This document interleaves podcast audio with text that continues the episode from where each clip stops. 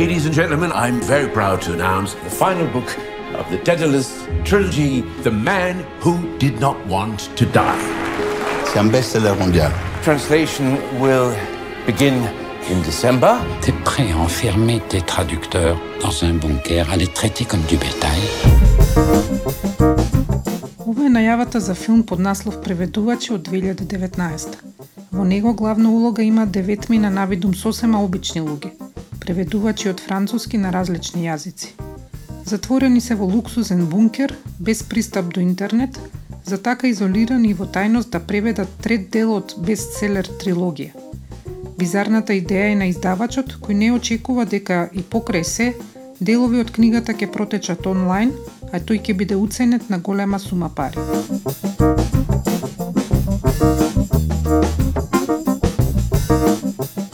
Приказната е баш филмска и далеко од реална, ама сепак содржи елементи кои се препознатливи за секој оној кој се обидел нешто да преведе и од тоа и да заработи. Бункерот би можел да ја символизира осамата и клаустрофобијата која понекогаш ја чувствуваат преведувачите, борејќи се со нечи текст во мислите, дури и кога не седат над тастатура.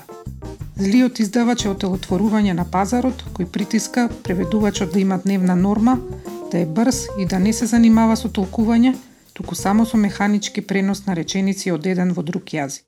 I mean, look at us. We're in prison down here. Ке го преведуваме ова ѓубре живи закопани, коментира преведувачот на книгата на грчки. Јас сум само преведувач, не сум вистински автор. Вели ни солзи преведувачката на дански, откако издавачот му се подсмева на ракописот на незиниот роман. За потоа таа да си го одземе живот.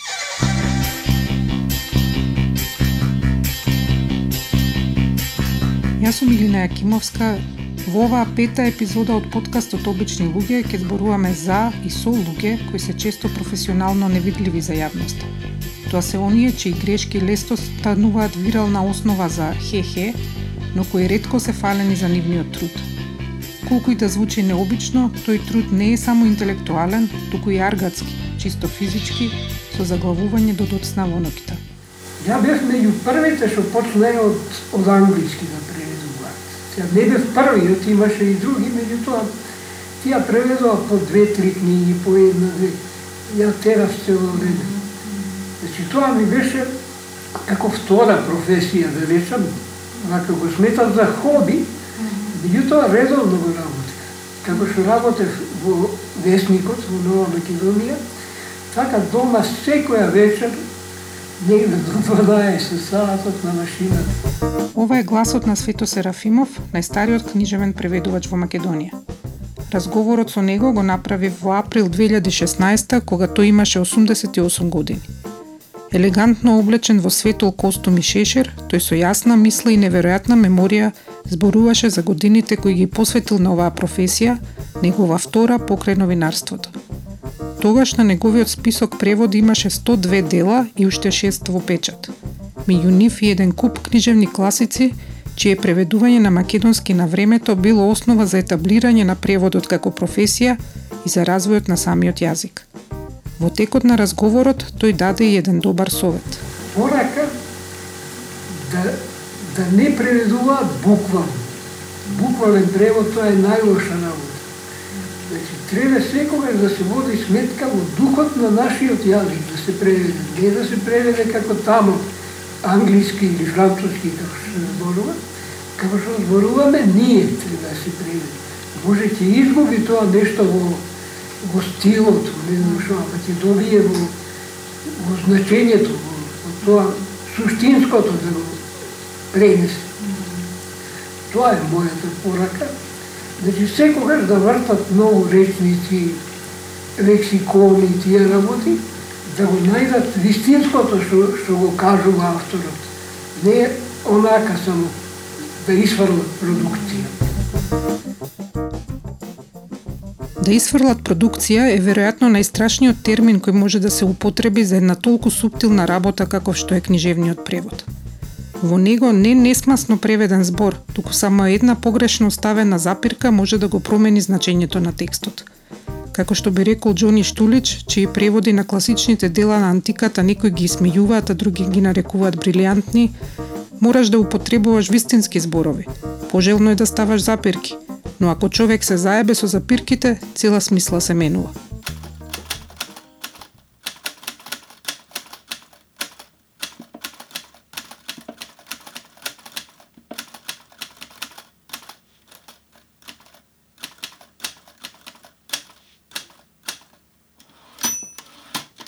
Самата досега имам преведено 12 книги, голем број текстови, нешто поезија. Но во нашата куќа моабетот за тоа како нешто да се преведе е секојдневие. Пред 15 на години тој беше придружен со бучно чукање на машина, сега со кликање на тастатури од три различни простории.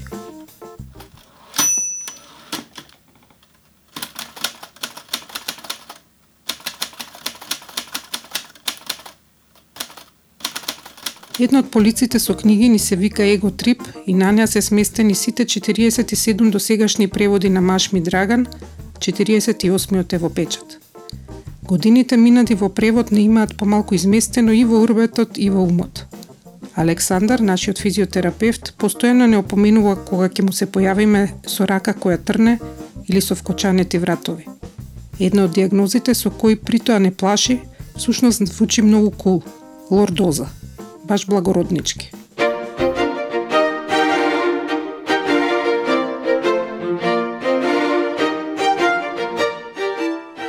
Но преведувачите живеат далеко од благороднички и тоа на необичен начин се потврди во текот на правењето на оваа епизода.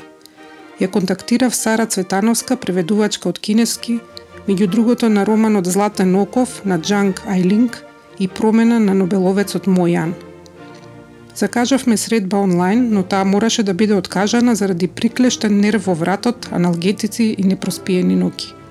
За жал, одлична илустрација за спомнатиот аргатски труд на преведувачот.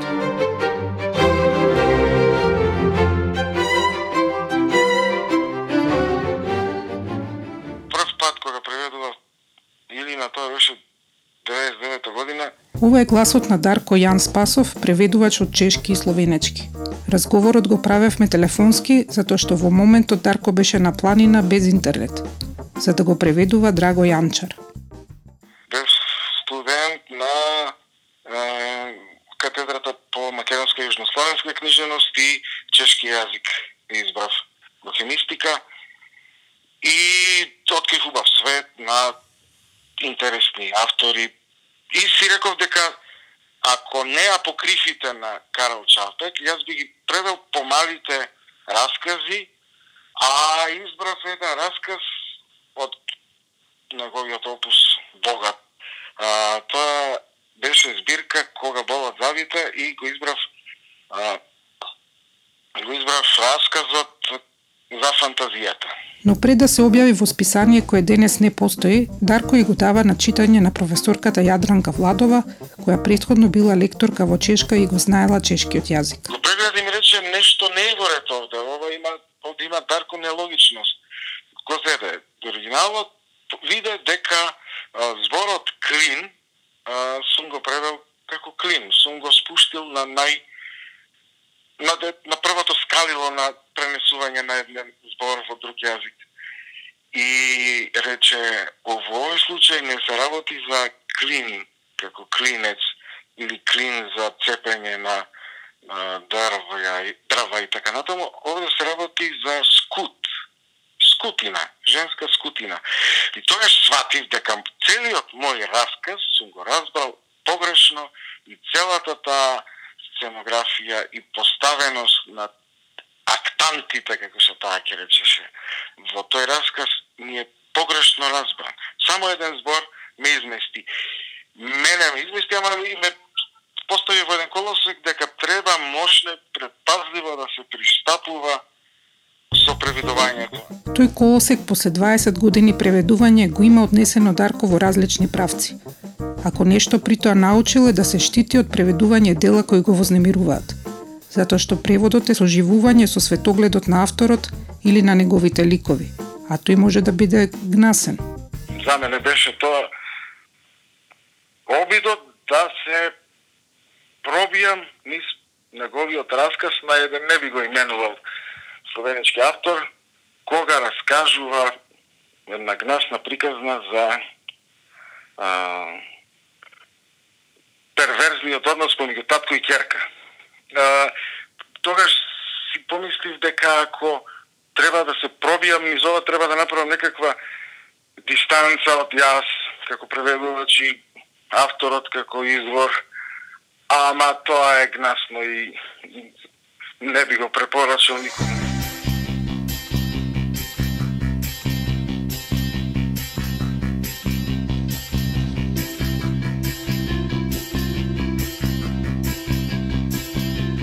Драган, Сара, Дарко, сите нивни преводи на македонски се истовремено единствените во нашата преводна книжевност. Да се направи споредба на два и повеќе преводи на едно исто дело, во неа е тешко. За ова имам две можни објаснувања. Прво, за да се добие поширок обсек на преводи, особено на класиците, историски било попрактично енергијата и парите да се доделат на различни, а не на преводи на едно исто дело. Второ, издавачите се многу помотивирани да платат процент од хонорарот за препечатување на постоечки превод, отколку да вложуваат во сосема нов. Сепак издвоив неколку такви примери. Слушнете ја првата реченица од Улис на Джеймс Джойс во превод на Свето Серафимов, објавен далечната 1977. Убавиот глас е на актерката Верица Недеска. Дебелиот бак Малиген достоинствено доаѓаше од врвот на скалите носеки канче за бричење на кое лежеа вкрстени огледалца и брич. Истата во нов превод на Марија Гиревска гласи Грандиозно дебеличкиот бак Малиган се појави на врвот на скалите, носејќи сад со пена, врз кој лежеа вкрстени огледалци и брич. Во двете верзии на една единствена реченица, речиси половина од зборовите се различни – Дебелиот од првиот превод е грандиозно дебели чок во вториот. Грандиозно е веројатно употребен од причина која има врска со последниот збор во романот, во што сега нема да навлегува. Канче за бричење од првата, во втората верзија е сад со пена, што е многу поблиску до оригиналот, во кој Џојс не држи во благ саспенс за тоа што всушност се подготвува бак. Различно е дури името на ликот. Мали Ген наспроти Мали Ган.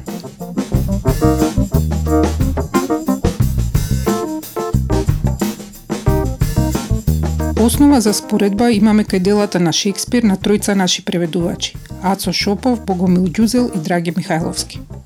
Разликите во преводот се очигледни дури и кај самите наслови на делата, освен оние кои се лични имиња па не се преведуваат. Например, како што милувате во верзијата на Ѓузел наспроти како ви арно така кај Михајловски за As You Like It. Или славната реплика од Хамлет која кај Шопов гласи да се биде или не, а кај Михајловски да ме има или да ме нема. Ајде да споредиме неколку стиха од сонетот број 66 на Шекспир. Прво во препев на Драги Михајловски. Уморен од се ова, за смрт успокојувачка молам, што за служеноста гледам понижена е во беда. И бедната ништо зацарена во раскош гола и најчистата верба прекршена и мошне бледа. Истиот сонет во препев на Љупчо Бочваров. Уморен од сето ова, кон смртта ми се ита. Наспроти заслуженоста, падната и поразена, гледам како израдувани никаквеци се китат со триумф врз чистата вера в кал згазена. И само еден површен поглед, например врз Римите, покажува големи разлики. Во првиот превод, молам гола, беда бледа, во вториот Ита китат, поразена згазена. Сушност во двата превода на четирите стиха има само два истоветни збора – уморен и заслужност.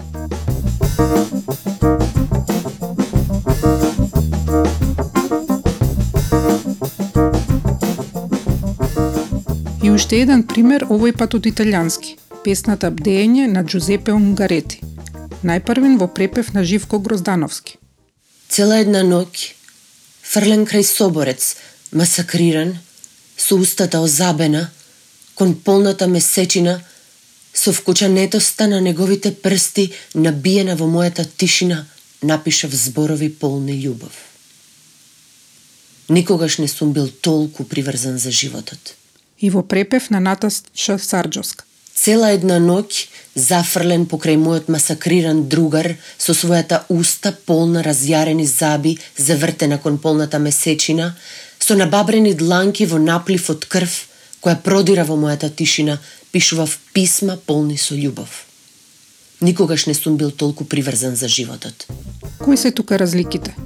Фрлен во првиот препев е зафрлен во вториот. Соборецот е другар.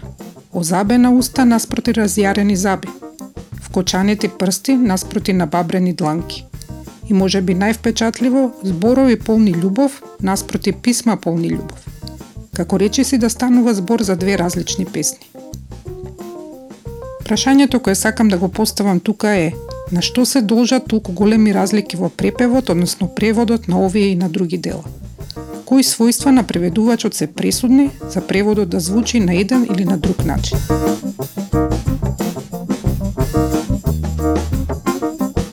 Неколку од тие својства се прилично очигледни како владење на странскиот јазик, владење на собствениот јазик, познавање на темата, односно на делото и авторот, познавање на културниот и историскиот контекст, работливоста. Но на овој список на посакувани својства има и некои посуптилни и поабстрактни, и токму тие се и најинтересните. Например, тоа дека преведувачот треба да биде и храбар.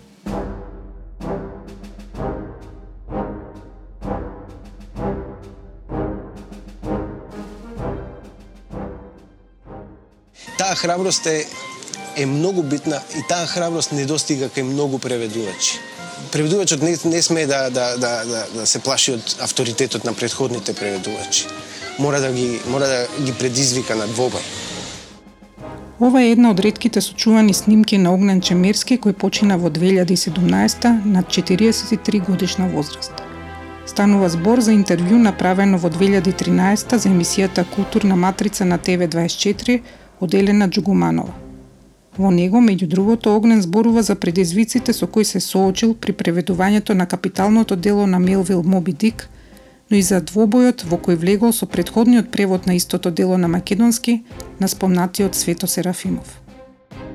Сепак, од важноста на преведувачот според него не треба да значи и суетност – преведувачот тука мора да ја надмине својата гордост, мора да ја надмине ароганцијата на нешто од Бога дадено, оти јазикот не ни е од Бога дадено, тој го тој, не ни не го учиме, него, не го наследуваме само од родителите или од, од тетките и од учителките на училиште.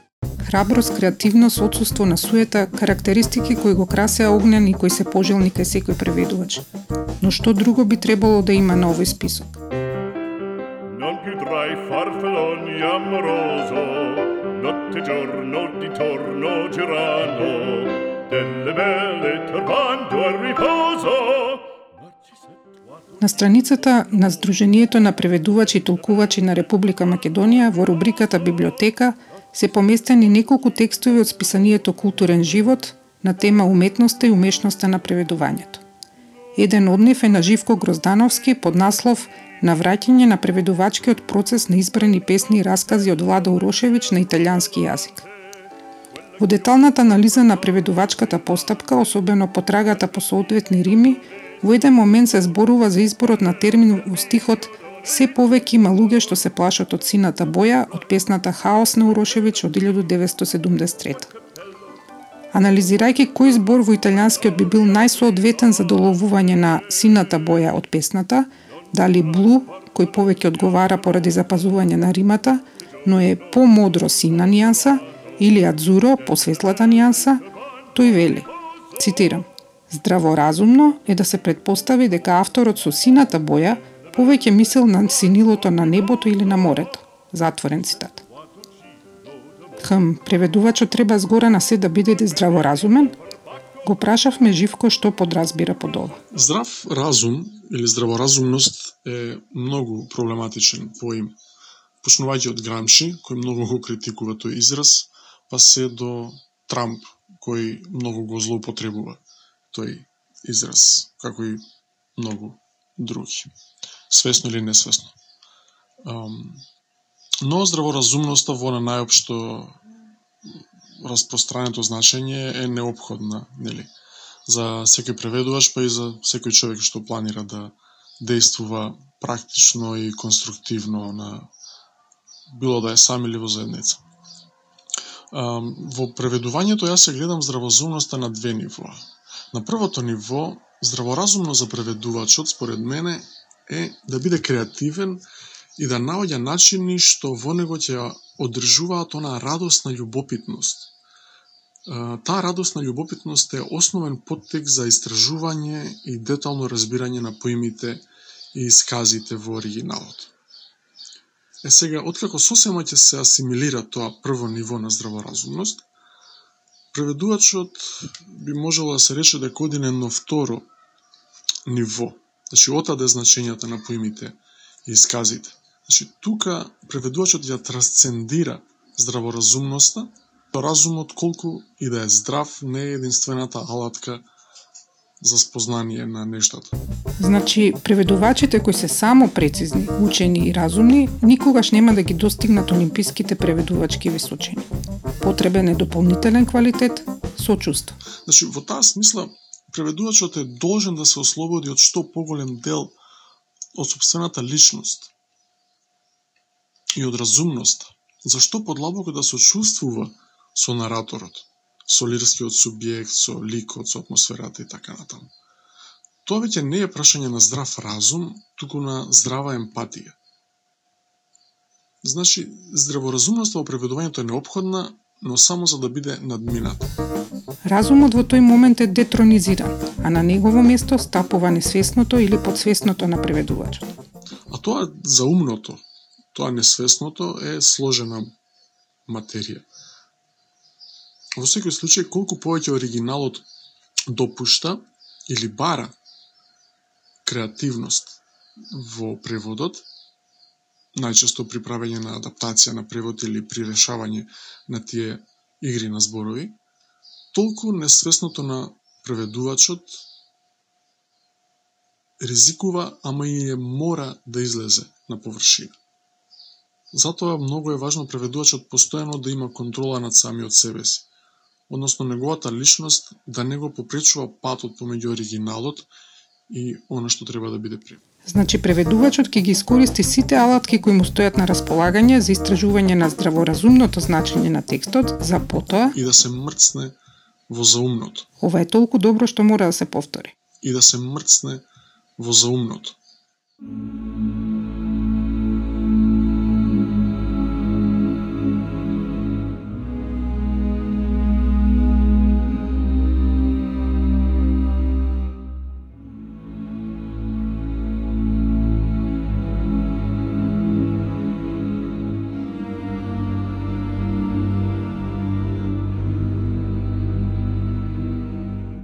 Како што ги одврзуваме конопените ортоми на нашето кајче и се впуштаме кон безгазерното морско пространство, така разговорот за стандарди и техники на преведувањето преминува во нешто помистично. Преводот на вистина станува транслација, пренос, премин. Притоа она што патува и преминува е зборот, но и нешто друго.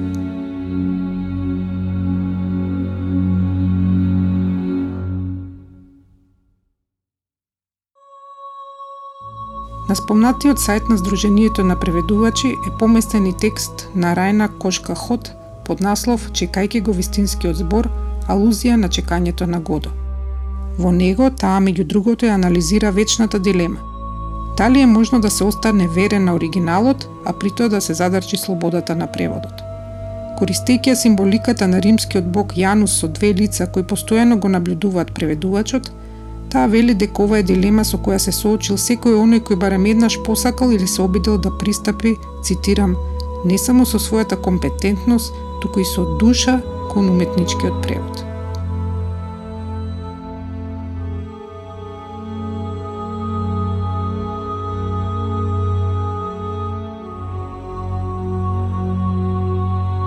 Ете така се заокружува сликата за нашиот замислен преведувач – Она што тој или таа го вградуваат во текстот не се само вратот и рбетот, нарушениот вид и истенчените нерви, туку и својата душа.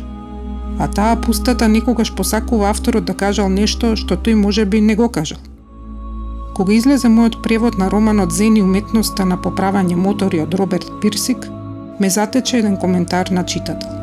Во оригиналниот наслов на книгата е употребен зборот maintenance, кој е многу поблисок со одржување, Потому поточниот превод би бил зени уметноста на одржување, а не поправање мотори. Може би клучна улога за мојата преведувачка одлука било мојата желба не нешто да одржам, туку да поправам.